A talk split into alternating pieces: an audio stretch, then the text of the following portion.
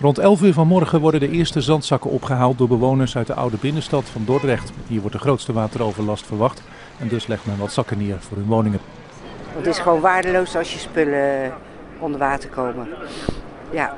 Toch maar zandzakken verzamelen? Ja, voor de zekerheid doen we dat. Ja.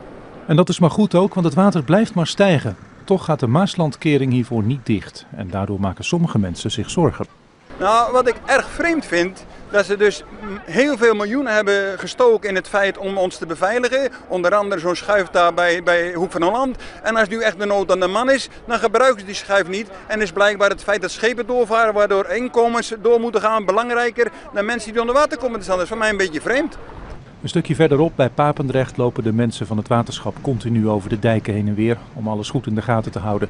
Het bedrijventerrein Nieuwland grenst erg dicht aan het water en het zou wel eens fout kunnen gaan. U ziet, het water komt hoger en hoger en er is storm nog steeds. Dus we hebben de, de bedrijven geïnformeerd dat een soort vooraankondiging noemen we dat, dat er mogelijk geëvacueerd gaat worden als het blijft stijgen en, en blijft waaien op deze manier. Ondertussen blijft het water in Dordrecht maar stijgen en worden er meer straten en kades afgezet. Toch is vanmiddag maar een voorproefje voor de volgende hoogwaterpiek.